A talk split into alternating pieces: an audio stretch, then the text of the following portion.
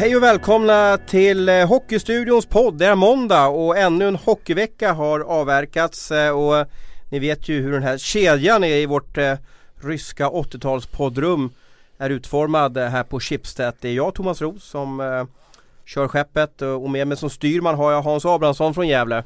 Alltid redo. Har du varit coach i helgen eller har du varit ledig eller vad har du gjort för någonting? I helgen har jag varit idrottsförälder, stått på sidan och tittat på fotboll. Har du slutat som coach? Det går rykten om det. eh, Att vi, du... vi, vi är så gammelmodiga så vi kör faktiskt eh, fotboll, eh, vad blir det då, september ut och sen får väl hockeyn komma i andra hand och börja i oktober. Eh, där är väl ett undantag. Det ska väl helst spelas hockey året runt när de är 11 år. Så vi är lite gammelmodiga. Nu har vi Tellqvist som har gjort comeback då, fast inte på hockeyrinken utan fotbollsplanen. Jajamän, ruggig träningsverk i både vader och höfter och gudans moster. Mittback Libro i helgen. Du tacklade Färjestad-ikonen eh, Rickard Wallin. Ja, han fick sig en liten känga. Han slängdes lite fult där så blev det straff då. Men eh, det Pratade lite om eh, Djurgårdens fysträning och Färjestads fy- fysträning efteråt. Lite, lite gliringar. Så att eh, ja, ja det, var, det var kul. Det var jätteroligt. Det var för en jätterolig sak. Men eh, var resultatet viktigt här eller var det bara att delta? Eller, eller vilka var det som möttes?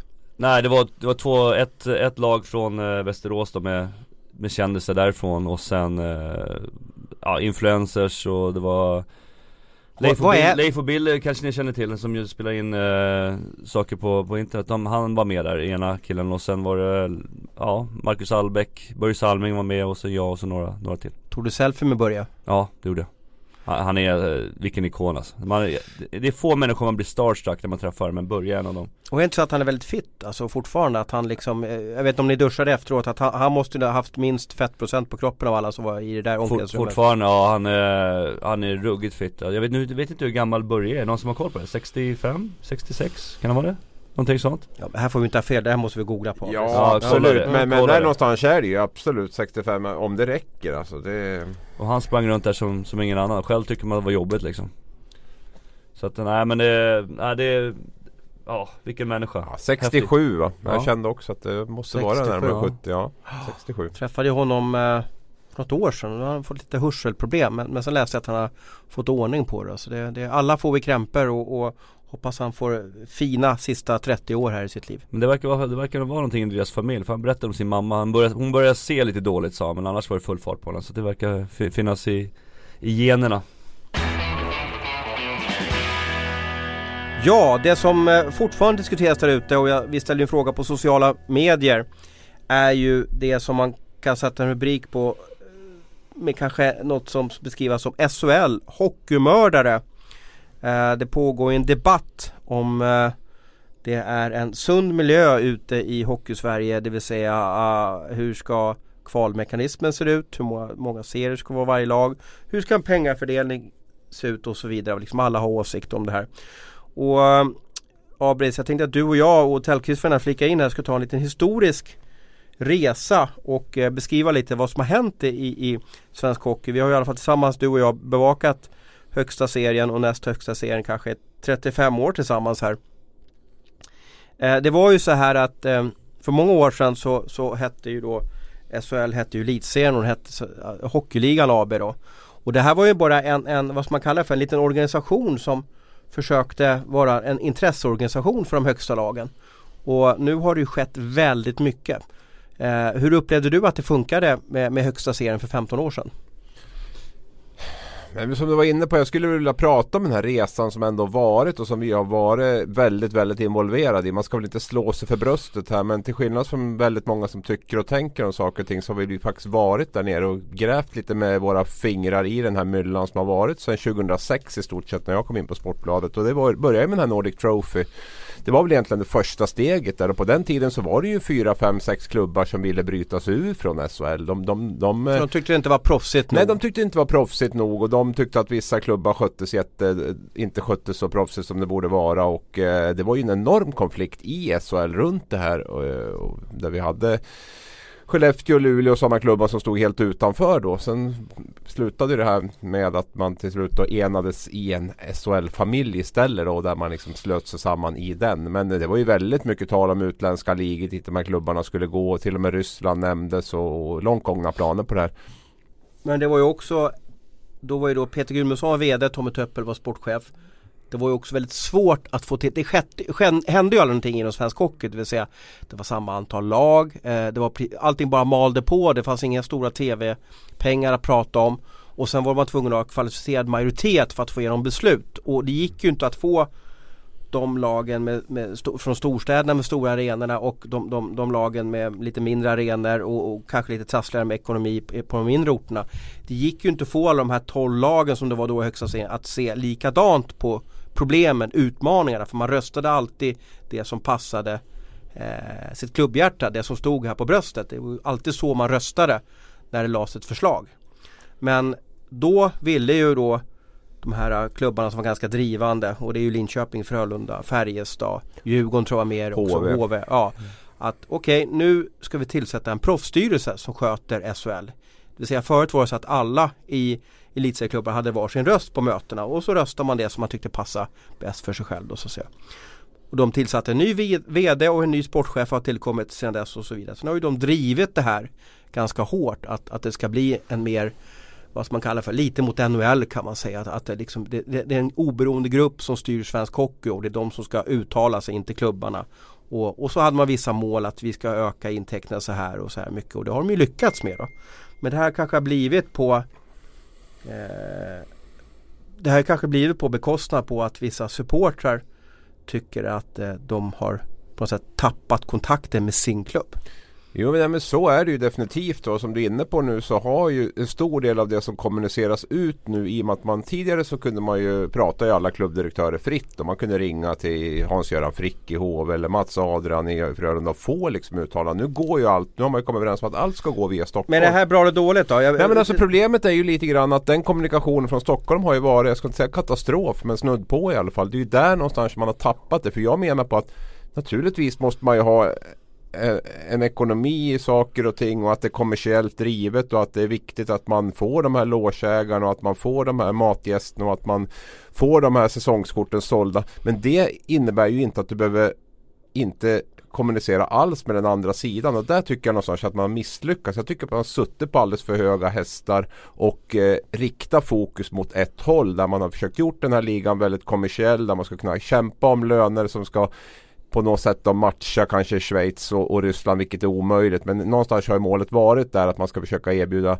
de, de bästa spelarna väldigt mycket pengar och så. Och, och, och det, jag tror att det, den kampen, där har man valt lite fel spår. Att man inte har, eh, jag tror att det är eh, mer eller mindre uteslutet idag att du ska kunna liksom kämpa om de här bästa spelarna. Det här. Jag menar titta hur många, det är 200 svenska spelare som är utomlands var 200 bästa. Jag tror att den här nerven, det här engagemanget, det här brinnet är viktigare än någonsin. Och där tror jag att man har gjort en felbedömning för tio år sedan och, och fram till idag. Så, på ett sätt. Men det, men ja. det är inte så här att, jag menar Sportbladet, vi har haft strategimöten. Det är ju inte så att vi bjuder in, och det, det, har ju SHL haft också för 15 år sedan eller 10 år sedan. Här ska vi nå, hit ska vi nå, så, så mycket ska vi öka intäkterna. Men när vi har våra strategimöten, vi bjuder ju inte in läsarna där. Nej och det begär inte jag heller men jag satt bara och skrev snabbt ner liksom på vägen hit så skrev jag jättesnabbt ner alla de här sakerna som har varit under åren och vi har Alltså det är, det är Nordic Trophy, man skulle ha en utbrytarliga med, med enskilda SHL-klubbar, vi har wildcardsen, vi har den här fallskärmen som ska betalas av nykomlingen. Vi har tv-avtal som slår otroligt snett och där det inte har funnits någon som helst vilja att dela med sig om inte det har skrivits om det. Vi har Farmaklubbsinitiativet som höll på att spräcka hela Hockeyallsvenskan förra året, vi har de här sex allsvenska svenska klubbarna som, som gjorde uppror och vi har den här avväpningen av Svenska Hockeyförbundet. Det är bara några saker. Allt det här, och det här vet du också Thomas, att allt det här, hade inte det här kommit upp, hade inte vi grävt upp det här så har det inte heller blivit någon förändring utan det här har man ju velat genomföra. Det är ju inget snack om det och det är det här, hela den här kedjan på något sätt som har skapat den situationen Men är det bra, idag. är det bra, är det en sund miljö i Sverige nu med hockey? Nej det är ingen sund miljö överhuvudtaget. Men är, det är därför men, vi sitter och diskuterar det här just nu istället för att vi Men vad är fel då? Hur, om vi ska Nej liksom... men alltså det är, det är ju den här kedjan som jag pratar om att det hela tiden finns en känsla av att man vill Det finns en egoism Som på något sätt eh, Har liksom slagit ut, slagit ut det andra där man bara tänker på sig själv och jag förstår också att det finns liksom en kommersialism i det här att man måste på något sätt också tänka ja, men vi tänker väl på Sportbladet tänker ju på oss själva också. Vi pratar ju om hur många plus Ja, jag vet inte om du man... kan jämföra Sportbladet, alltså svensk hockey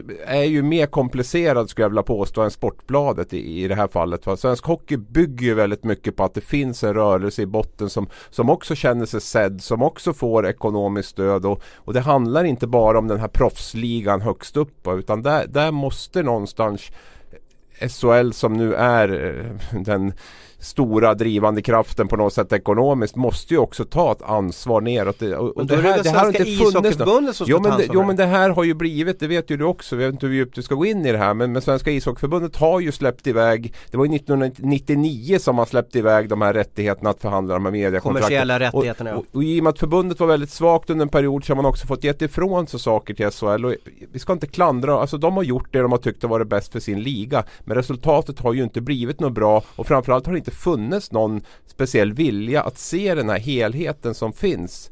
Utan man har fokuserat tycker jag för alldeles för stor grad på de här inkomstbringande gästerna till arenorna och man har inte varit beredd att, att släppa till pengar i systemet. för att alla vet ju att någonstans det som är unikt med svensk hockey på något sätt för mig det är ju dels den här bredden som finns i klubbarna, i de här små klubbarna där ideella ledare jobbar arslet av sig för att barn och ungdomar ska få en bra upp, Eh, eh, hockeyuppväxt och även fostra stjärnor uppåt. Och sen har vi en läktarkultur tycker jag också som är lite snudd på, jag ska inte säga unik för det finns också i Tyskland och, och, och neråt där. Men, men det är någonstans den är ju också med de här klackarna och den här stämningen som är på arenorna.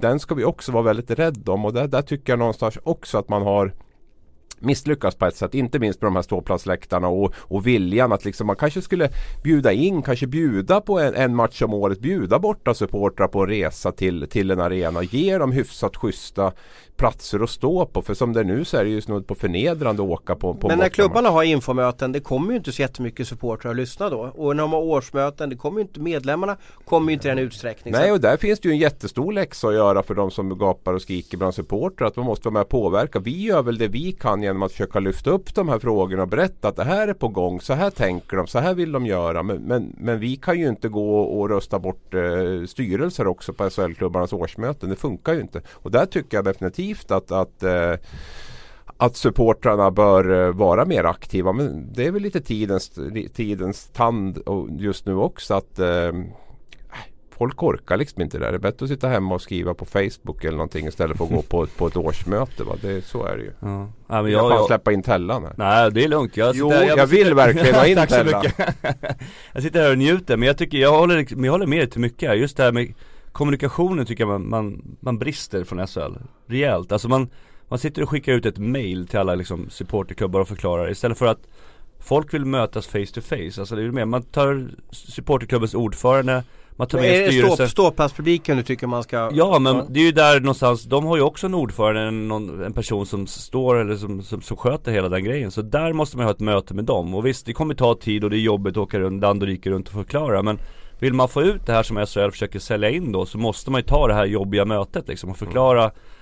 För jag menar, just som det är nu så känns det som att det är, det är två olika liksom motpoler bara Ja, och, och där har ju SHL då Stockholm om vi tittar på den eh, personalen här nere har ju sagt att det ligger mycket på klubbarnas ansvar att ta den här diskussionen med supportrar. Så. Men det jag liksom, när man omsätter så mycket pengar som SHL gör och man verkar så totalt jäkla ointresserad av hur man uppfattas utåt då tänker jag framförallt här från Stockholm. Att man inte lägger lite mer kärlek, lite mer kraft på att någonstans förklara sina för förslag, vända sig mot fler grupper. Utan alltså, det känns som att man bara... Men kan man fråga liksom fler olika supportgrupper i varje förening vad tycker ni att, att hur många lag ska det vara i SHL? Absolut, tycker, varför ja. inte? Ja, men de betalar ju för att komma och kolla på matcherna de, ja. Så varför kommer inte man få in tusen olika varianter då? Ja, men är inte det intressant då? Vill man inte veta? Jo, vill inte vi veta vad våra läsare vill, vill, vill jo, veta om? Det är därför man gör undersökningar där, också Ja, och där tycker jag kanske att klubbarna har ett stort ansvar också Att det är svårt även om SHL också ska vara ute naturligtvis och ha handen upp i luften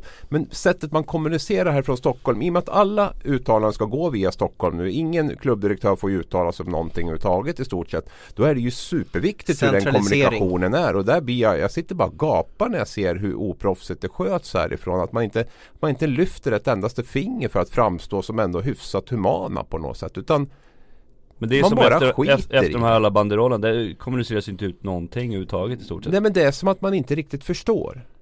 Mm. Eller inte vill förstå. Men det märkte jag, jag vi ju när vi såg men... Färjestads VDs mail här att det finns en stor klyfta mellan eh, vad ska man kalla för, ja hockeysupportrar kan Ja så jävla för. onödigt kan jag känna lite grann. Jag gillar ju fan, jag är, så, jag är ju uppväxt med elitserien, vi har bevakat SHL, vi gillar ju det här. Jag gillar många klubbdirektörer, många sportchefer i klubbarna så här, men, men att man ibland inte liksom så jävla onödigt i det läget att bara kasta ut sig sånt där raljant brev där man liksom verkligen visar att man inte fattar någonting av själva problematiken. Men som hockeyspelare, du, du lämnade ju det som vi lite beskriver här, liksom det som var elitserien, det som var liksom den här serien. Det, det hände inte så mycket, man gjorde inte så mycket regelförändringar. Det, det var ganska, inte slumrande, men det var liksom elitserien. Mm. Vad tyckte du var skillnaden när du kom hem från Nordamerika och Ryssland? Vad hade hänt tyckte du i svensk hockey? Nej men det var lite som, som Abris var inne på, det, det, det har blivit mycket mer proffsigare, lite mer Men är inte det jättebra eller? Jo, jag, jag, kan tycka det också. Ja men det, det, behövs ju, jag menar samhället går ju åt det hållet också, att man, allting ska gå snabbt och liksom och sådana grejer. Sen kanske ibland kanske går lite för snabbt, det kan jag tycka. Men eh, och att arenorna ska vara en viss nivå och sådär, för folk kräver ju det också för att kunna gå på matchen. Det är bekvämt att sitta hemma och kolla i tv-soffan och man vill ha lite mjukare liksom säten och sådana grejer. Jag menar Nu är vi i den åldern så vi kan tycka det är kul att gå och sätta sin kall ishall också och kolla. Men den generationen som kommer upp är ju mer bortskämd jämfört med, med, med saker och ting de uppskattar de här ljusshowerna i, i Luleå. De uppskattar att det är lite mjukt, att man ska kunna sitta och kolla repriser på jumbotronen och såna grejer. Så mm. det är en helt annan generation som kommer upp också. Så att jag jag är lite tudelad men just kommunikationen tycker jag måste bli betydligt mycket bättre. Det blir ofta så mycket missförstånd annars Ja just det att man ska kunna kombinera en kommersiell del med den här eh, breda supporterkulturen också som jag tror blir ännu viktigare nu i och med att spelarkvaliteten sjunker hela tiden så blir ju stämningen på arenorna och det som är viktigt. Det jag tycker är så jäkla kul att gå på hockey det är ju, det är ju när man får uppleva den här stämningen. Alltså man är på Hovet där när Djurgårdsklacken drar igång. Ännu bättre om de har många gästande supportrar som är där också som kan försöka svara upp. Det, det är för mig, ja, det, det, det får jag gåshud av verkligen. Mm.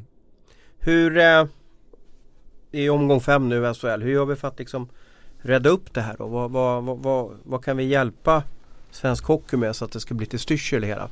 Så inte vi måste sitta och prata om hockeymördare måndag, varje måndag till 2025? Nej men jag tror det handlar mycket om kom, kommunikation, en dialog hela tiden. Det här skulle ju varit gjort långt tidigare och en annan tid på året och allt sånt här. Men jag, jag tycker man har stoppat huvudet i sanden och inte riktigt velat förstått eller inte orka brytt sig om den här problematiken. Och så har man fått det i, i knät nu. Sen kan ju vissa SHL-representanter skylla på någon enskild artikel eller på någon krönika eller på någonting. Men det handlar ju om så mycket annat och där har man någonstans inte tagit tag i problemet i tid och jag tror att man måste, jag tror att man måste kommunicera med alla typer av, av supportergrupper på ett mycket bättre sätt. Ett typexempel är ju den som vi varit inne på tidigare, just den här buren som är i Timrå liksom. Har man pratat med borta ja. supporterna innan man bygger en sån här grej? Är du med? Liksom? Ja, vad, vad när liksom man står, hur man står i Växjö till exempel där nere. Det var bara ett exempel. För, alltså, ja, det, alltså, det, det, det, är ingen inbjudan och jag tycker någonstans, jag vet att Brynäs Frölunda hade något initiativ där man samarbetade och där man liksom Brynäs släppte hela ena kortsidan till Frölunda supportrar som åkte tåg upp. Och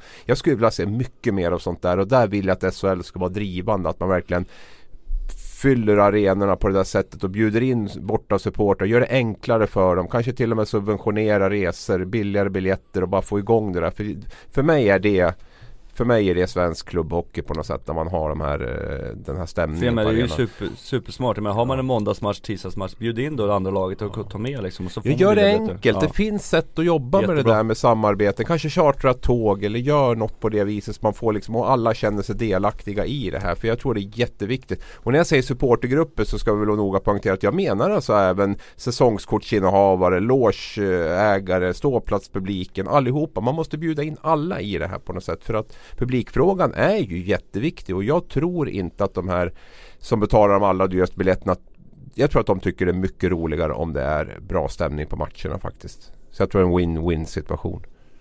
Eh, en person som förde in mig i hockeyn för många år sedan är min morbror. Eh, han är 70 år nu men, men det här är första säsongen på ja, kan det vara 55 år som han väljer att inte gå på ishockey. Han har slutat att gå på ishockey. Han har valt att inte köpa säsongskort på Djurgården här. Eh, jag tror han hade ett säsongskort kostade 9000 då med, med alla matcher ingick där då. Och, och han tyckte att det var Han tyckte att han kom hem för sent på kvällarna. Det var hans huvudargument för att sluta gå på hockey. Sen vet jag inte om vi kan tidigarelägga. Ja, Alltså, nej, det är det är, olika... det, ja precis. Det har är vi väl svårt diskuterat att- tidigare Mm. säsonger också just med, med, med tider. Att man kanske ska lägga en halvtimme, 40 minuter tidigare liksom. Men det, ja. Det kan ju ha med ålderns höst att Ja. göra också kanske någonstans. Så där kan man väl där kan jag väl kanske inte lägga allt ansvar på, på SHL. Alltså någonstans. Det är klart att det är tidigare sna, lite snabbare matcher är väl, är väl Det uppskattat. var lite med input i alla fall så att säga. Mm. Och igen, det var en människa som, som kanske tog med mig på min första hockeymatch en gång i tiden där. Så att det blev lite tråkigt att höra när jag förstod att han, att han orkade inte köra en säsong till. Ja, det är jättetråkigt både för honom och för Djurgården och för, för SHL. AHL startar snart i Nordamerika. Det är alltså andra ligan i Kanada och USA som kör igång. Och eh, Mikael Tellqvist, du har ju varit där för många år sedan. Eh, kan du gissa hur många svenskar det var det året som du gjorde debut i, eh, i, i farmarligan i, i Nordamerika? Oj. Det, vi var inte så många. Det kan ha varit en... Eh... Det är ett känt nummer för, som två duktiga svenska hockeyspelare haft på ryggen genom, genom åren då. En som du bland annat spelade fotboll med här, häromdagen. Ja, 21 då. 21! Mm. Precis. Ganska snabb jag fortfarande ändå. Ja, Ja, det inte så lång, Nej, lång tid var, va? Nej, var bra. Var imponerande. 21 Ja, svenskar var det för, eh, vad, vad kan vi säga, 16 år sedan. 2002 gjorde jag min första AHL-säsong. Du och, och 2000, 2002. Christian Berglund var i samma farmarlag där va? Nej, han var i ett annat lag faktiskt. Okej. Eh, däremot så har jag spelat med Pierre Hedin var i mitt farmarlag också. Okej. Eh, gamla Modobacken. Ja. Eh, François Bouchard också var med. Precis. Djurgården. Ja. Eh, men det var ju inte så vanligt. Det var inte lika många som, som lämnade landet och, och dit jag vill komma det är att idag så spelar eh, nästan 70 svenskar spelar i, i AHL. Vi har några i East Coast League och vi har några i College-ligan och vi har just nu 78 stycken svenskar i NHL. NHL, drömmen. Förstår jag absolut så att säga. Det, det jag stör mig på lite är att vi har nästan tre lag eller över tre lag av, av duktiga svenska hockeyspelare som finns i farmarligan. Är det här bra eller dåligt för hockeyn, svensk hockey, att det är så många svenskar i farmarligan? Jag tror att det är för att vi var inne på det lite tidigare här också att man, man har så himla bråttom nu för tiden med allting. Man, man, man liksom man tror att man ska liksom komma in i NHL på en gång. Alltså man, man ska se lite sig själv som en Som ett startupbolag lite, det som en aktie. Man köper in sig i en aktie så förhoppningsvis så får man liksom utdelning om 5-6 år. Det är lite där man ska se. Man ska inte vara bäst när man är 18. Det är det är så få hockeyspelare som är bäst när de är 18-19 år. De flesta är bäst när de är runt 25 liksom.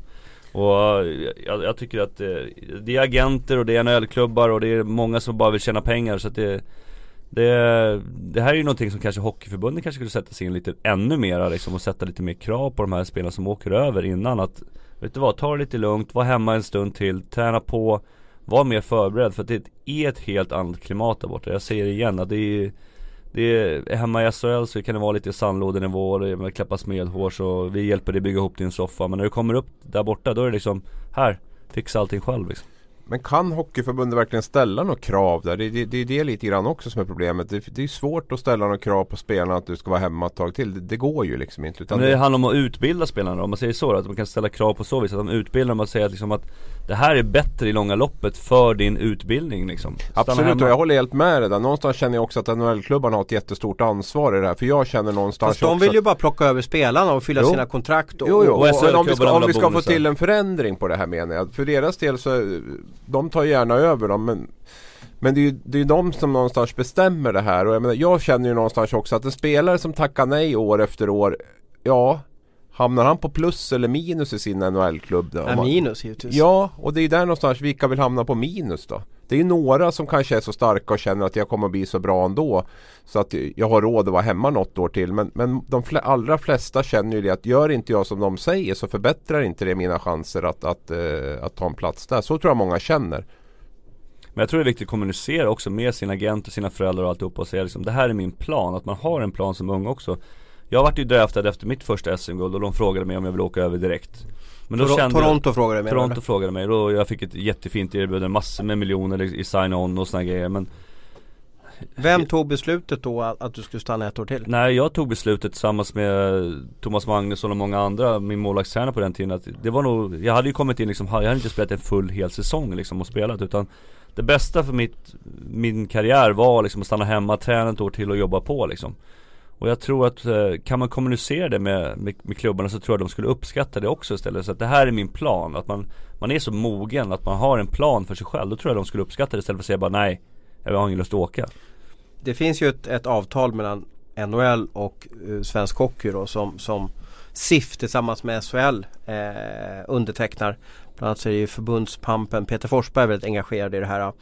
Uh, och, och, det ändras ju liksom lite riktlinjer. Ibland så ägs de draftade spelarna två år, ibland tre år och fyra år. Så måste man skriva kontrakt. Annars så tappar man ju rättigheten då. Men, men igen, om vi säger den spelare som jag blev väldigt förvånad över det var Lawrence Pilot som jag såg nu blev nedskickad till farmlaget. Och han, han, han blev alltså vald till årets back i SHL förra säsongen. Han fick Salming Trophy också. Jag, jag, jag, vet inte vad det är för skillnad men, men igen det är alltså priser som på något sätt är ett bevis på att han gjorde en grym säsong. Men han åkte ner till, till Farmen nu också. Eh, och han, han är ju inte purung om man säger så utan han är ju 22 år så han är inte, han är inte 19 år längre då. Uh, gör han fel som åker över nu? Eller? Jag vill ju gärna se han i SHL, det, det är väl så jag menar. Mm. Att jag, jag stör mig på att han ska behöva visa upp sig i farmaligan. För han har sådana meriter, han är så duktig. Han borde ha spelat i NHL eller SHL, inte i farmaligan. Alltså det man ska komma ihåg är när du kommer över dit så börjar du på noll. Ja. Det, det, spelar liksom ingen roll. Har du inte gjort någonting i NHL så är det liksom så här. Vi kan sitta här mycket och hylla spelare som helst men vi är ju vår lilla ankdamm här, här hemma liksom. Vi ser ju honom varenda dag, dag ut och dag in och tycker han är jätteduktig. Medan kanske NHL-scouterna ser sina spelare som spelar juniorligan som kanske är minst lika duktiga som vi inte ens hört talas om. Nej visst och du har ett AL-lag där också ett. Mm. Du har ju Oskar Lindblom året före där som kanske var hela seriens bästa spelare och, och fick också köra farmarlaget i, i AL när han kom över. Det, det, är det man ska ha klart för sig att toppspelare i SHL idag. Förut sa man att toppspelare i SHL då kan du åka över och ta en plats. Jag skulle vilja säga att skillnaden har blivit så pass mycket större i år så att det räcker inte att vara en toppspelare i SHL för att du ska vara säker på en plats i NHL. Du bör vara bra i Tre Kronor för att då, dominerar du Tre Kronor då, då anser jag att då har du riktigt bra chans att ta plats i För så sa man ju förut också, att man skulle göra minst en VM-turnering innan man åkte över. Det, det var ju sen när jag växte upp att det var något snack om det också. Menar... Absolut, men om man tittar längre tillbaks med Håkan Loob, Mats Näslund och de här spelarna så ja, de var ju också bra i landslagen mm. naturligtvis. Men dominant är, jag tror att steget mellan, mellan vår högsta liga och NHL har blivit ännu större. Därför tror jag att det, det räcker inte med att vara dominant här för att du ska tro att du går och åker över dit och tar någon plats. Eller handlar det någonting om att vissa har otur och hamnar i fel lag där det finns för många Vi pratar om Pilot som hamnar i Buffalos organisation. Och då kanske det finns för många envägskontrakt på backsidan så att det är kört för honom.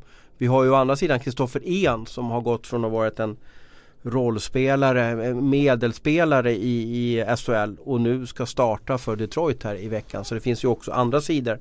Men då känns det som att har man otur och kommer fel klubb så är det bara liksom Du kommer aldrig få chansen. Nej men så kan det ju vara det också. Jag menar jag kommer ihåg eh, Just Toronto på den tiden innan cap-system, de köpte ju alla bra spelare. De behövde inte ens ha några prospects eller liksom unga spelare i sin organisation. De sket ju, de köpte ju bara in dem de behövde. Så visst kan det vara så. Men nu är ju Buffalo en upp, alltså de försöker ju rebuild, alltså göra en ny liksom start i, i där.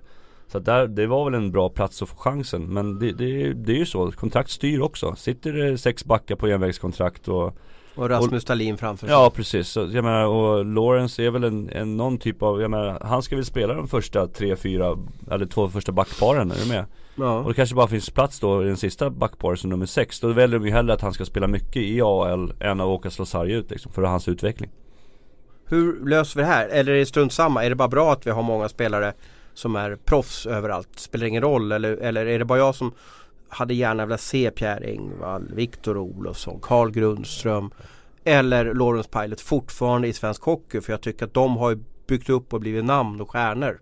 Självklart är det, är det ett problem tycker jag också. Vi vill också se de här. Jag, jag någonstans har ju NHL byggt upp och gjort det väldigt bra. De har ett väldigt starkt varumärke. Det är dit våra ungdomar vill och det är dit våra hockeyspelare vill. Och vi kan inte stoppa dem. Alltså vi, det, vi har inte dem. Vi, vi spärrar inte in folk i vårt land. Så att vill de gå dit så får de göra det. Och vi får en ersättning idag. Eller vi säger men svensk hockey får en ersättning trots allt idag för, för de här spelarna.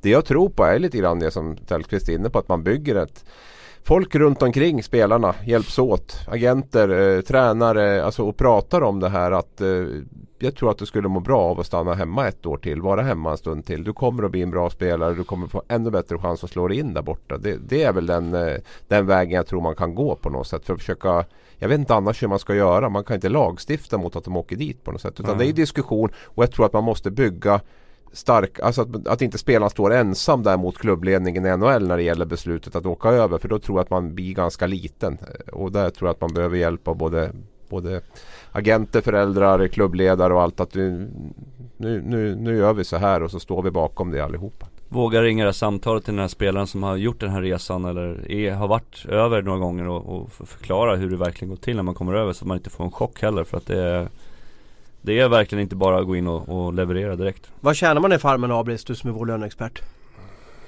Ja det finns ju en, det, det, är ju inte alls så stora pengar på det där på oh. Så det är inte, alltså det är inte ekonomiskt förmånligt att spela? Men säg att det, jag fick så 95 000 dollar eller vad Jag skulle säga att det är 10% av lönevärdet Ja, ja det, det, det, är allt från 35 000 dollar tror jag på min tid upp till Ja det finns ju de som varit där länge jag till 200 000 ja, Det ja. finns de som har Jo här, de har det men jag tänker på maxtak för en rookie där i ja, 70-75 skulle jag säga ja. någonting där, 80 kanske. Pilot har ju Nina 25 000 om man har spelat, alltså dollar pratar vi. Nina 25 000 dollar om man spelar Buffalo. Mm. Och i min bok så, så, eh, så är det ungefär 10% av den lönen som man tjänar i farmen och det är ju, det är ju inte liksom för pengarnas skull man är, är i AL. Det ska man ha klart för sig. Att du kan tjäna betydligt bättre pengar i, i SHL än vad du gör i, i AL många gånger. Men, men eh, sen har du en sign-on bonus också som jag tror många lockas en del av. Och den vet man ju inte. Menar, går man sönder eller blir man helt plötsligt dålig så det, det, risken finns ju att stanna hemma ett år till att du, att du aldrig får skriva ditt NHL-kontrakt. Så är det ju men ska vi ha en åldersgräns? Man får inte signa med en NHL-klubb för man är 21, 22?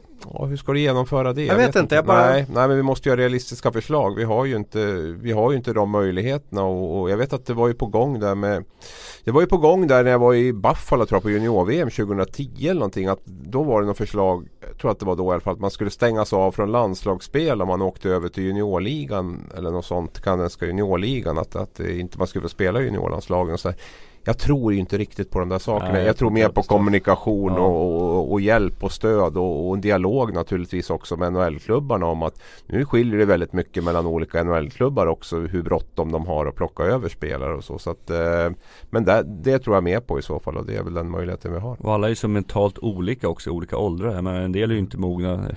Jag säger 39 som är jätteomogen också men alltså det är ju med jag menar Rasmus Lundin känns ju ganska mogen för att vara 18 liksom Medan en annan 21-22-åring som åker över kan man ju känna såhär, alltså herregud hur ska han klara sig liksom? Ja, draftas du etta så känns mm. det som att då blir det lite en annan sak än, än vi pratar Viktor Olofsson och Lawrence Pilot och Lias Andersson och allt vad det är. Nu var väl Lias högt också draftad, det var ett dåligt förslag. Men, men, men den kategorin, alltså det, det är one of a kind liksom. Det är Mats Sundin och Rasmus Dahlin. Mm. Där, där, tror jag inte vi ska lägga så mycket, mycket krut på, på om de ska vara kvar eller inte. Utan det, det handlar ju om de här spelarna som som är eh, några år äldre och eh, draftas sent eller vad de har draftats och, eh, och väljer att åka över. Ready to pop the question? The jewelers at BlueNile.com have got sparkle down to a science with beautiful lab-grown diamonds worthy of your most brilliant moments. Their lab-grown diamonds are independently graded and guaranteed identical to natural diamonds and they're ready to ship to your door. Go to Bluenile.com and use promo code LISTEN to get $50 off your purchase of $500 or more. That's code LISTEN at Bluenile.com for $50 off. Bluenile.com code LISTEN. För tidigt och som vi tycker. Skitsnack. Ja, eh, på vad man lägger i det ordet. Men i helgen så var det ju en incident här mellan Malmö och eh, Djurgården. Eh, det var Marcus Sylvegård, spelare i Malmö då, som brakade ihop med eh, Urbom i Djurgården och eh, Jakob Josefsson. Och, och, hur upplever du det som hände där Abris? Ja, det som jag blir mest förvånad över nog de reaktionerna efteråt faktiskt. Jag trodde vi hade kommit längre än att både klubbledare, tränare och krönikörer på något sätt står upp och, och försvarar och tycker att det är bagateller att de orden eh, ja, skriks mot, ja, mot det varandra. Blev alltså, jag flikar in här, det blev ja. alltså lite tjafs mellan de här tre spelarna. En kille i Malmö och två stycken i Djurgården. Och enligt eh, disciplinnämnden då så sades följande då. Eh, vad fan gör du bögjävel till Sylvegård? Och som svarar håll käften horunge då. Eh, och det är här, när, när, man läser de här orden så, så får man ju nästan ont i magen och fundera på vad är det för personer som, som spelar hockey och vad, hur är de funtade? Framförallt de här tre då som pekas ut nu och har, har sagt det här. Men om vi andas ut och lutar oss tillbaka Tellqvist, ge oss info. Hur funkar det på en hockeyis? Ja men det är ju machokultur, vare sig man, och jag har ju varit Det här, del är det här av vardag? Är det här varje match? Det händer nog i stort sett, ja jag skulle säga att det händer väldigt ofta i alla fall Att det, att det slängs ut sådana här grejer liksom eh, I en gruffsituation I en gruffsituation eller man åker förbi båset, någon slänger ut sig någonting att man har typ såhär håll käften bög Alltså liksom varför använder man ens uttrycket? Det är 2018, folk får väl älska vem fan man Men, vill och liksom. varför säger man det? För att reta upp någon som man inte gillar andra laget? Ja och, och då blir det liksom när Och så slänger man ut sig någon sån här kommentar som bara känns såhär, vad fan Kom igen liksom ja. Och jag, Men om- och jag om- varit del av det också, jag vet att det, det försiggår extremt mycket med, med det här. Och jag, jag tycker att det är bra att det kommer upp till ytan. För att som, eh, som tränare i junior, man hör de här orden på, från, från små barn liksom. Och det är liksom en tuffare liksom språkbruk idag än vad det var förut, det var det. Men de, barnen de lär sig av de vuxna och de ser och hör liksom. Så att eh, det är viktigt att vi Och att hockeyspelarna är förebilder för, för barn Jag tänker, liksom, finns det någon anledning till att de här uttrycken ska vara kvar? Kan som komma med något argument för att det här ska vara okej någonstans? Jag har jättesvårt att hitta det och jag ska väl också tillägga att jag har varit en del av det också precis som Tellan. Det, det ska jag, men, men att man skriker i stridens hetta någonstans är ju en sak men att man efteråt som Försvarar, vuxen ja. ledare ja i både motståndarlag och, och det lager det gäller och, och även ja, i, i, i tidningar alltså, skriver att det här är ju en baggis. Bögjävel skrattar man väl bort. Alltså hur ska, hur ska jag som, om vi tar ungdomsledare, hur ska jag prata med mina barn då när de läser de här sakerna att blir du kallad bögjävel på isen så det ska du väl bara skratta bort. Alltså det, det blir, nu känner jag mig som en sån här grym moralpolis i det här, men jag tycker det är så otroligt korkat och det här är ju någonstans som jag varit inne på tidigare. Vad vill hockeyn vara egentligen? Och ena stunden när pengarna finns där då vill man vara den här samhällskraften som liksom tar ansvar för alla som tar integration och, och jämställdhet och man åker i prideparader och det ena med det andra. Men, men sen ena, andra stunden då vill man vara på det där grottstadienivået där, det liksom är en skyddad verkstad där man får göra vad som helst. Det funkar inte kan jag tala om utan antingen får ni välja nu. Antingen så får ni vara en del av samhället och då handlar det om att ta ansvar även på sådana här saker. Eller också får ni fortsätta på grottstadiet men då, då kommer inte bidragen heller från, från diverse kommuner och, och företag och allting bli lika stora heller. Nej jag tycker sponsorer kan ställa krav också på klubbarna att det ska vara en viss grej. För jag menar, det det var en artikel här för några veckor sedan i Aftonbladet, en mamma som kom ut och sa att sitt barn hade tagit livet av sig på grund av kulturen i, i omklädningsrummet. Bara en sån grej borde göra att folk vaknar till liksom. Alltså alla ska få vara med och spela hockey och alla klarar inte av att höra sådana här saker. Man ska inte säga sådana här saker överhuvudtaget. Och, och, och apropå ingenting så för några veckor sedan satt ju faktiskt ett möte med med SHL på kommunikation då, Johanna och eh, Peter Svensson på Huskurage. Du har alltså träffat Johanna? Jajamän. Herregud, Om det här. grattis! Mm. jag har hennes nummer om du, vill- om du vill ha det sen. Okej. Men eh, vi diskuterade faktiskt Men vad fan ni möte med henne då? Ja, vi diskuterade den här frågan just om att det här, för att det var en annan artikel i Svenska Dagbladet tror jag, att de gick igenom att det inte var en machokultur. Alla, de hade intervjuat alla typ tränare och, och några lagkaptener i, i SHL-klubbarna. Och det var ingen som ville erkänna att det var någon machokultur utan det känns som att det blir bättre. Och det stämmer ju inte riktigt kan jag tycka. Vad ville det bolaget som du jobbar för då eller vad, vad vill Nej men det här var bara liksom en intressegrej för det här var, det, det var Han Peter då som jobbar för det här Huskurage hade skrivit en, ett inlägg på, på LinkedIn om, om just den här artikeln och så var i Svenskan eller om det var Dagens Nyheter, jag kommer inte ihåg exakt Men eh, att han tog upp det här att det här inte stämmer liksom. Han har ju rest runt bland fotbollsklubbarna och, och, och frågasätter om Zlatan är en bra föredöme för, för ungdomar och, och här grejer med, med uttal som han gör och och det, det handlar om språk, språkmissbruk liksom. Och, och, och många av de här barnen tar med sig det hem i hemmet och sen Gud hans moster vad som händer liksom. Så Men, det, men då är det väl här perfekt det som sker för det, det som har gjort inför säsongen Det är ju då att eh, domarna har fått direktiv uppifrån att den här regeln har funnits Mm. att man inte, du får egentligen inte ropa Mm. vad som helst till en, till en medspelare eller motståndare. Du måste ha Man måste sila snacket där ute men, men domarna har inte dömt för utan man har bara liksom, ja ja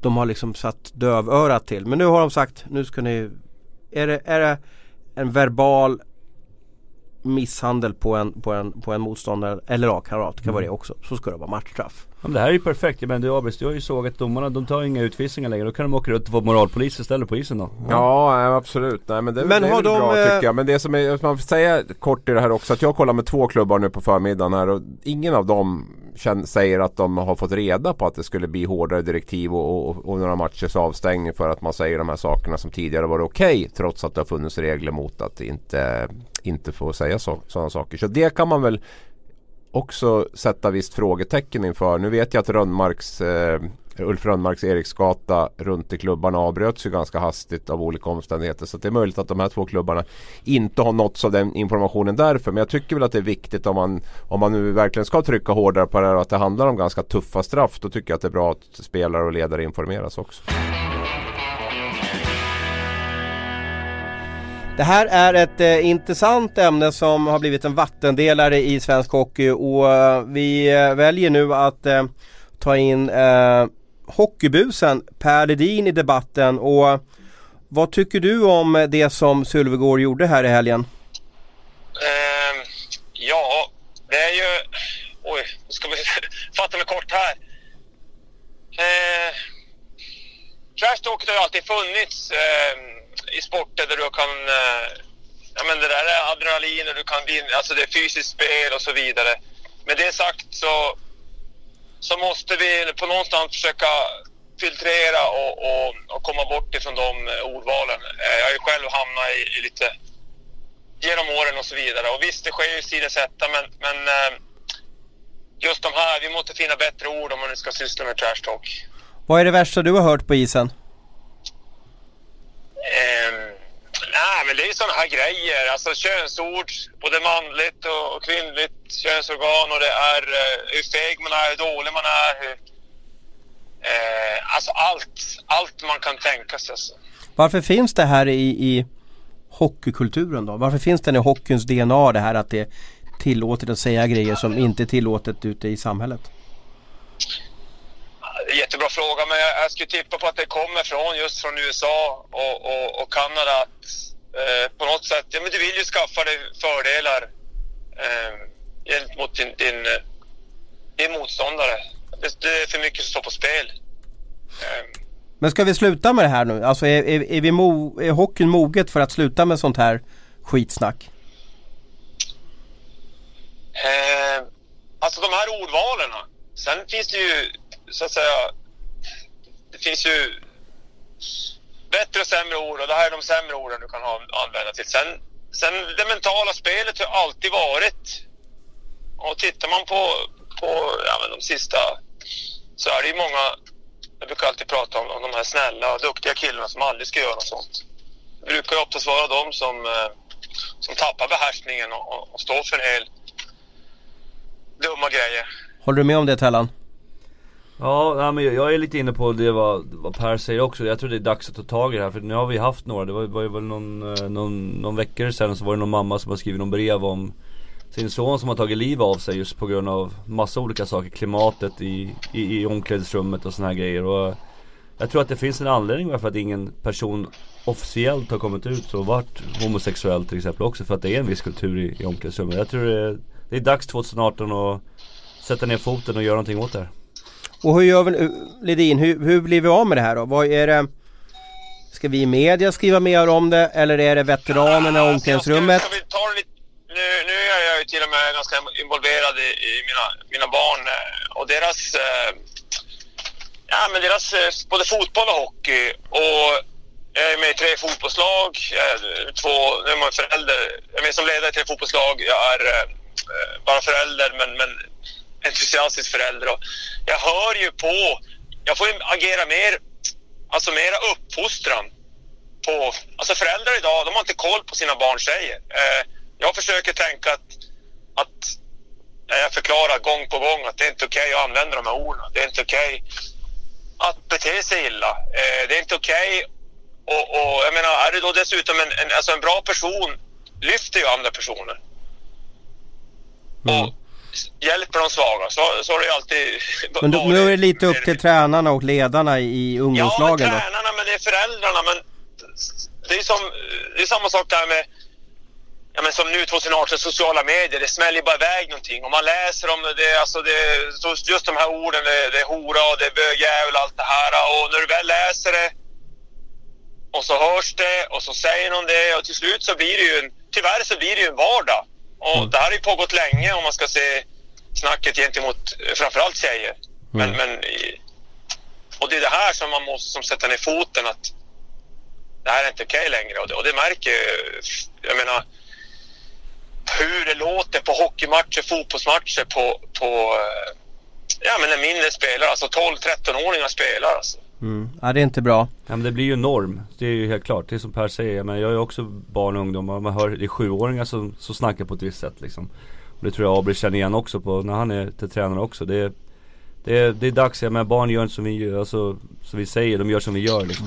Finns det något lag i SHL Elitserien Per som du upplever är värre på, på, på det här äh, vad ska man kalla för dödfödda skitsnacket än andra lag?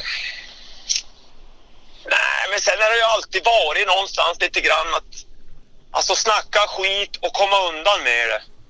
Det är först när det lyfts till ytan, när det blir, när, när folk får reda på vad som har sagts. Det är då först, ja, då är det, då är det fastnar i fingrarna i kakburken. Det, alltså det är ju, det är då det lyfts upp och så vidare. Så att, eh, det är ju, och det är det där som blir lite så här men där har ju vi faktiskt, vi, nu när, man, när man, vi spelar ett, ett, ett ansvar att det måste på något sätt eh, ja, men alltså, sorteras bort. Det går att välja så mycket andra ordval. Jag menar, jag vet ju själv när man bara skriker tatter och tjockis och så vidare. Det är ju negativa ord, det är inte kanske lika, lika uppvar... Eh, men jag fick mig en ganska bra lärpenning av det. Sen, ja, så, som jag säger, så man har ju fått man har fått bli smartare om man ska syssla med, med det mentala spelet helt enkelt. Och, och, men som det är nu så har det eskalerat och då, och då är det därför så viktigt att vi måste sätta ner foten. Eh, det jag undrar lite mer, det är ju så här att hur tydlig har man varit med det här när man har kommunicerat ut det? Alltså både till barn och ungdomar, till föräldrar, till eh, SHL-spelare. Att nämner ni de här orden, då ryker ni. Mm. Mm. Då, då är ni borta. Och det är väl det också den kommunikationen som... som eh, visst, den hårda vägen kanske är den bästa men ska man då syssla och försöka få bort det då kan man, måste man först prata om det, förklara att det här är konsekvent. Mm. Jättebra, tack Per för att du var med oss och, och jag måste väl avsluta här. Eh, när får vi se dig i en eh, matchuniform igen? Eh, nej men jag står standby och tickar så att jag, jag hoppas ju att det blir så snabbt som möjligt. Eh, så jag ska sätta mig ner och börja, börja jaga helt Ja. enkelt. Lycka till Per och tack för att du var med oss. Tack själva! Ja Tellan, du var inne på det här. Eh, du pratade om den här mamman som skrev det här brevet då att det var en spelare som tog livet av sig. Mm. Eh, skrämmer det bort väldigt många ungdomar tror du från hockeyn att det är så rått in i omklädningsrummet? Jag tror inte att det skrämmer bort ungdomar, däremot så skrämmer det bort föräldrar som inte är säkra på liksom om, om de vill ha sina ungdomar i den här miljön liksom. Eh, och man måste ta avstånd från det. Och jag- nu hörde vi ju vet du, Per ta avstånd från det också. Han har också samma situation som, som jag är nu liksom, ledare för, för unga liksom. Och alla de här på SHL-nivå, de är ju förebilder för alla de här barnen. De sitter ju och ser och jag menar de flesta i, i skolåldern börjar ju kunna lära sig läsa och de läser och de kan se på läppar och sådana grejer. Så att, och, och jag tycker att det är bra att vi tar tag i det. Och som sagt va, det, det, det är i alla fall en boll i rörelse när det gäller SHL och, och sådana grejer. Så får vi se om det blir någonting av det. Men eh, Men jag vill ju påstå att ja, domarna gör ju sitt nu och kommer döma ut lite matchstraff. Jag hoppas att de bara har koll på I det här fallet så var det ju en Malmö-spelare som Fick all skit i helgen. Det var ju han som blev liksom utdömd nu så att säga. Men det var ju säkert, hur många kommentarer uppskattar du Tellan? Tror du under en match? Som det har sagts som det mm, Gränsfall eller över gränsfall, det här är inte tillåtet det, men, men det, är ju- det här Jag menar hur stort är, också- mörk, hur ju stort är mörkertalet? Alltså det, Ja det, säg att det händer hundra, hundra gånger kanske på ja, match. och då väljer nu Marcus Sylvegård att ta Men det är väl bra att sätta ett exempel också, det är som allting annat. Jag tycker att det, det är väl bra. Sen att det Jo men det är som att ta, nu ska vi liksom börja, nu ska vi Men börja det måste ju börja hakningar. någonstans. Det måste ju börja Och så tar någonstans. de en hakning men missar tio. Då, då måste man nästan micka upp överallt som man har koll på. Fast det här är ju ett samhällsproblem också, om man ska ta ansvar mot samhället. Det är inte, folk går inte runt och hakar folk på stan utan det här är ju sättet Man märker också klimatet när man pratar med människor att det är mycket hårdare Jag bara hoppas också. att de lyckats vara oerhört duktiga på isen, de som är matchledare på isen. Ja, Att, att inte Och- bara höra något, oj det tar jag ut, utan de måste nästan Men- ta på allt. Ja, man- men man måste ju ta på det man hör. Det är väl som med filmningar eller vad som helst. Det kommer väl folk undan med filmningar också. Vissa åker Ja. dit på det. Men nu har man ju någonstans statuerat exempel. Så, så det blir väl blir ett lite konstigt resonemang. Jag tycker att det, det som hörs så ska man givetvis ta för och nu vet ju spelarna också om att de är i riskzonen med, med, med det de säger. Sen tycker jag om jag tycker att det ska finnas viss trash talk på isen. Jag tycker det är en ingrediens som hör Men man till. vill inte blanda in de här orden som inte är Jag har gångbara sagt förut 2018. att lite fantasi kanske lite kom upp lite grann från, från grottmänniskostadiet och kanske hitta på lite fyndiga saker som kanske till och med Som kan, kan verka lite hårdare. Vad, vad Ja, skulle handla- sagt till Jakob Josefsson? Ja men det kan väl handla om hur man är på isen, hur man spelar eller hur man, hur man, hur man, eh, hur pass dålig man är och, och, och, och få in den där pucken som ligger öppet eller vad som helst. Alltså nu blir det ju me, mera på den. Det finns ju väldigt mycket man kan säga som, som kan ta, ta ganska hårt utan att man blandar in könsord, rasistiska ord, eh, alltså den typen av saker. Så att eh, lite större fantasi efterlyser jag när det gäller den där biten. Ja, men han skulle kunna ha sagt någonting såhär typ, fan lär dig åka skridskor eller någonting. Du, nog- Ja men Urbom nivån, du får ju aldrig liksom, du, får ju, du klarar inte ens att liksom slå en sarg ut ungefär liksom eller vad som helst sånt där. Jag vet inte om, alltså för min del kanske det skulle nästan ta, ta hårdare än, än, äh, än att han skriker att han är en, vad var det, horunge. Mm. Det vet jag inte om Urbom ens hör, hörde liksom. Jag vet inte Mm. om det är, Men jag, jag tror ju trash talk alltså, hade försvunnit ut så att säga. För förut så, så när jag började bevaka hockey så vet jag att det var en många spelare läste ju på om motståndarna. Det vill säga liksom vad det fanns för flickvänner. Vad det fanns för, ja du vet liksom runt att få vara Det är ju skicklig. vanligare i Nordamerika än För att vara hemma. skicklig Ja. på att komma Mm. förstöra för de här andra eller för motståndare. Så här, hur, hur retar jag upp den här spelaren så att han gör bort sig på isen eller inte lika bra. Eh, eh, det, jag tror att det har försvunnit bort. Det inte Ja, fanns det, det har varit väldigt lite av det i svensk hockey i alla fall men det, det, det är som, jag menar SHL och eh, det, speglar ju samhället i, i stort också jag menar och Ja jag blir bara, jag tycker bara jobbigt och att det ska komma ut sådana här grejer. Jag, jag, jag, jag, vet att jag var del av det men det är dags att sätta ner foten. Jag Du tycker skäms det är bra. lite för det Ja jag skäms lite och jag tycker det är så onödigt liksom. Det är, Folk får väl älska vem man vill och man behöver inte bli kallad någon, någonting och det, liksom, det ska inte vara ett skällsord liksom. Jag, jag tycker det är helt fel och jag tycker att det är bra om vi får det här nu att SHL som är ett stort varumärke och är starkt i samhället också kan komma ut och ta Ja och jag, jag, jag kom på ett exempel nu. Den här domarfilmerna som man har sett. Det finns ett underbart klipp där med Kristoffer Persson och Patrik Sjöberg till exempel. Där Sjöberg svarar Kristoffer Persson på ett helt briljant sätt. Där, liksom, där det är en väldigt rolig dialog mellan dem. Det blir ju det. Jag menar Sjöberg har kunnat skrika håll käften bögjävel åt Kristoffer Persson också. Va? Och, och varit på den. Istället så svarar ju han på ett bra sätt. Det är lite där jag efterlyser. Lite glimten i ögat, lite fantasi. Alltså lite, lite intelligens i, i de här diskussionerna på isen efterlyser jag. Vad är det värsta du har hört ute då Tellan? Ja jag har blivit kallad massor med saker men jag, jag var ju en av de personerna som tyckte att när de sa saker till mig så kände jag så här, "Ah, ja men då måste jag vara en betydande person. Så det var ju lite fel i mitt huvud kan man ju tycka men det värsta var nog när det blev personangrepp på, på barn, på mina barn eller på min fru Inte så mycket om mig men mer, mer runt omkring liksom. Men de körde frutricket mot dig? Ja det har de gjort. Borta i eh, NHL körde de mycket sådana grejer liksom och, Ja, Vad säger de då? då? Men det kan ju vara typ såhär, ja du vet du vad, jag vet vad Sara är ikväll, hon inte, hon håller på att ligga med någon annan eller du, typ den här nivån liksom Kunde ju vara liksom Du kan inte skratta av dig så till det där. Ja men det är ju så dumt. Ja, Ja. Det är ju så dumt så att det är Ja, liksom men det, det är, det, det är sådana grejer och det, då, då känner man att det tar mer än om, om någon hånar mig så är det så här, ja ja visst fine men När det blir liksom så här personliga grejer också, det blir så här, äh, jag tycker det är stenåldern alltså. Bort med. Men du vart inte förbannad och, och dela ut ett slag med motorn och så fick Men du ser ju hur jag ser ut, jag kan inte göra någonting liksom. Nej jag bara undrar använda alltså, för det måste ju vara det de ändå ville, det var ändå dit de ville nå så att säga Ja men, ja, jo, men så var det ju. Och Vi hade faktiskt en kille som var riktigt skicklig på det här men just att inte skrika massa grejer. Han hette Chris Newberry som spelade, han var en riktig sån här en fjärde linje som bara satt på bänken och pratade hela tiden och gjorde research och Han var mycket liksom just det här med skridskoåkning Han åkte liksom. på någon stor smäll sen också. Ja jag tror han fick lägga av Ja. ja. eh, Men han var riktigt duktig på det här med att trashtalka Ja. Garva mot honom då, alltså förstår du vad jag menar va? Eller, eller för Om- det blir ju lite det var- roligt när man är på rätt sida. Ja men det kunde ju vara liksom att Just att han inte kunde åka skridskor eller du kommer aldrig få någon chans i AL eller NHL eller och sådana grejer så att eh, Det är klart man skrattade åt det men jag tycker att det här, det, det är inte roligt längre. Det, det, det måste bort. Vad vrålar du åt motståndare som stod liksom i, i, eller hängde runt magen på dig då? Ja men jag Nu låter det som att jag är Guds bästa barn men jag, jag lät faktiskt bli det.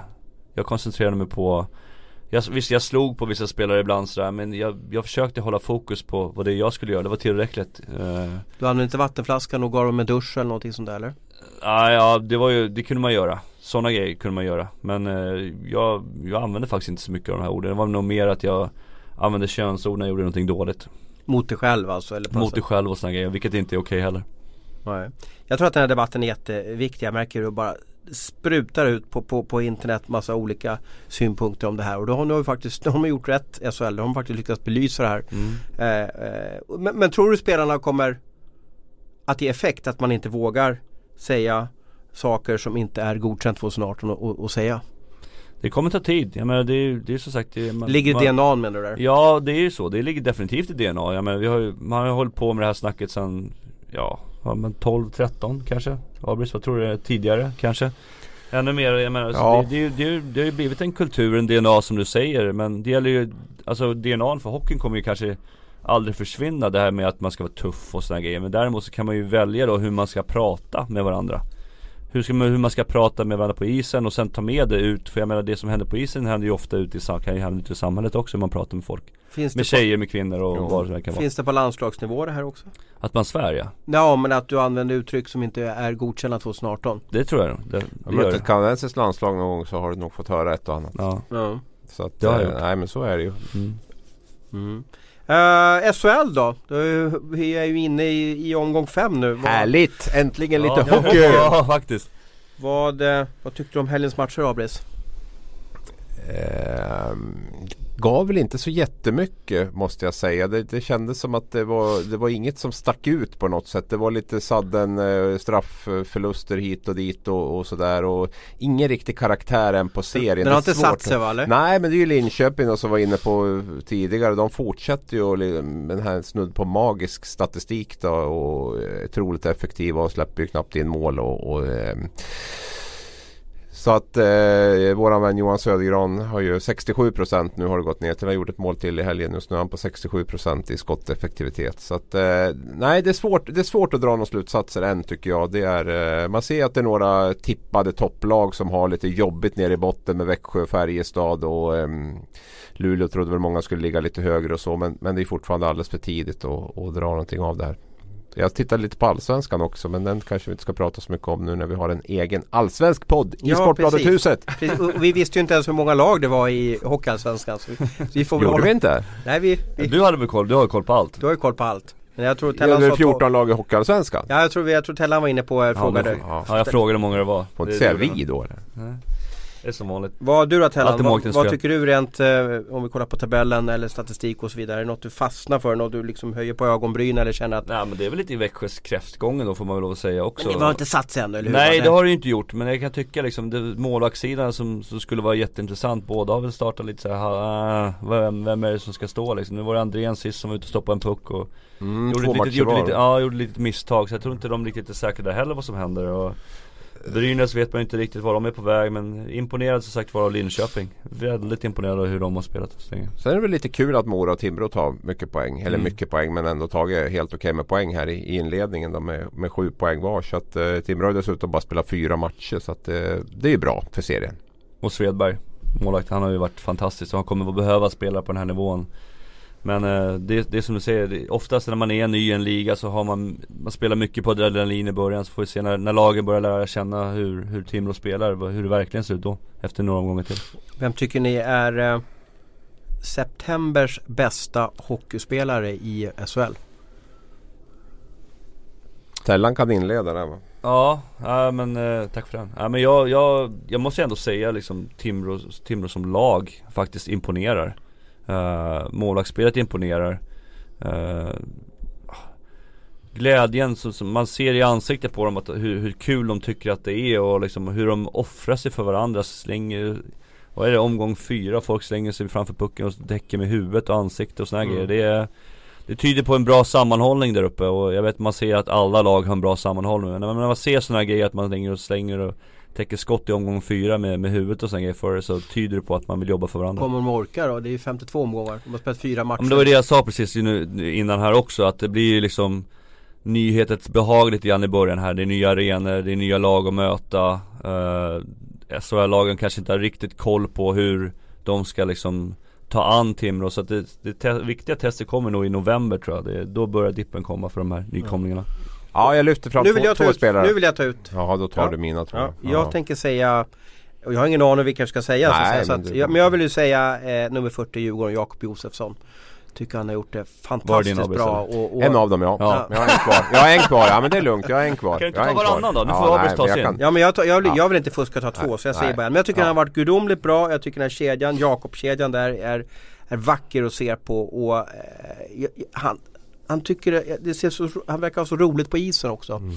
Trivas där och, och eh, skicklig center som liksom jag vet inte, så här klassisk svensk center på något sätt. Så att är roligt att ha honom tillbaka i svensk hockey. Kan bara hålla med dig Thomas. Det är liksom spelglädjen framförallt och att han liksom får visa att den där skickliga spelaren. Vi som minns honom innan han åkte över eh, minns ju just det här att det var en väldigt... Sen hamnade han i ett fack där borta som många, många skickliga spelare gör. Eh, det jag skulle vilja lyfta fram är nog eh, monstret. Jonas Gustafsson. Jag tycker Ja. han har gjort en Men du var inne förra helgen på att han... Bra han, Abris är målvakt, fan Ja, nej, men det- alltså ja, det har tagit lite tid men nu Men han Ja. har haft Jo, lite som jo. du sa förra veckan, alltså hans siffror är för höga. Jo, jo, men det är ju inte hans fel på något sätt. Och, och även om han går ner till 94 så är det fortfarande ganska bra siffror. Om man inte ligger på 98 så är ju 94 fortfarande väldigt bra siffror. Och han har ju, han har ju verkligen eh, gett sitt lag chansen att vinna varje match. Mm. Som vi kan klyschigt säga. Nej men det är kul för honom. Jäkligt ambitiös och bra kille tycker jag också. Som hade ett tufft första år när han kom tillbaka och, och skulle vara första målvakt och ny, ny eh,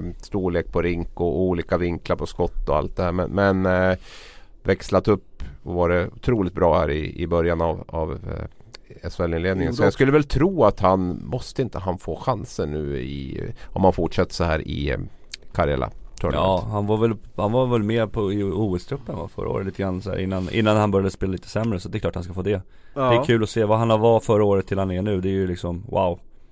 Har du hunnit sett någonting om monstret? Jajamän. Vad tycker du då? eh, Nej, all, om man ska gå in på målvaktsnörderi då, så förra året så tyckte jag att han var för aggressiv. Han hamnade väldigt långt utanför målgården. Han är ju stor målvakt så han behöver inte ens spela så. Man brukar snacka om toes in, brukar man snacka att tårna ska vara innanför målgårdscirkeln då. Man behöver inte spela längre ut än så. Och då blir det ju då när det kommer en passning så blir det mycket lättare att komma över till andra sidan. Spelar du för långt ut så blir det en väldigt lång förflyttning och du hamnar, du kanske hinner över och gör en räddning men i andra situationen då så är det liksom du är utslängd i någon typ av spagat eller du hamnar på rygg och då blir det att man slår in eh, returerna Det där förstår inte jag riktigt vad det beror på så det är jättebra att vi har dig här. För jag kan tänka mig NHL blir du ännu hårdare straffad som målvakt om du far runt och, och, och flänger. För där är ju spelarna ännu skickligare. Varför, varför blev det så? Har, har jag rätt i det? Och, och nummer två, varför blev det så för honom förra säsongen? Ja men det kan ju vara att man har en målvaktstränare som tycker att man ska vara mer aggressiv Men ofta så vill de ju i, i NHL att man ska spela längre ut för att man ska ta första skottet Sen är det backarnas jobb att bara rensa allt medan i SHL så är det väl lite samma tanke men det är lite mer passningar i SHL också Då måste du spela lite längre in liksom det kan hända, SHL kan hända att det kommer 3-4 passningar genom centrallinjen då som, som går från mittcirkeln rakt in i målet då och det är ofta där man straffar målvakter i dagens läge liksom Eftersom de är så stora med skydd och alltihopa Att man försöker få pucken över den här centrallinjen flera gånger för att få en öppen kasse Du Så har, det är det du har ju jättemånga målvakter nu. Du har ju Marcus Svensson, Reideborn, Monstret och sen finns det säkert i, i Svedberg. Mm. Svedberg så har du säkert några kvar i, i KHL också där. Ehm, Viktor Malmö Fast mål, har ju. Malmö-målvakten börjat bra också Mm. Det är tuff konkurrens, det är Ja. det du vill men säga vilka tar du ut till Karla? Du ska få avsluta med det. Ja men just nu är ju monstret definitivt en, en favorit och jag, jag, men jag, och jag är ju jag är ju svag för Adam, jag tycker att han ska få chansen i, i, i landslaget faktiskt Ja. eh, Fortsätter han spela som han gör nu och Monstret. Adam och sen får du ta en tredje keeper också. I SHL eller bara rent Nej, allmänt det eller? som ska med till Karla. Eh, då tar vi uh, Oskar Alsterfelt Alsefelt. Perfekt, eh, jättekul att podda med er som vanligt och eh, Förra veckan måste jag också berätta, vi slog rekord i Hockeystudions eh, historia. Eh, vi har fördubblat våra lyssnarantal jämfört med förra säsongen. Och det är vi jätteglada för, för det är bevis på att ni på något sätt gillar att ta till er vad vi gör och det är ju därför vi gör det här för er skull. Ha en riktigt trevlig kväll nu.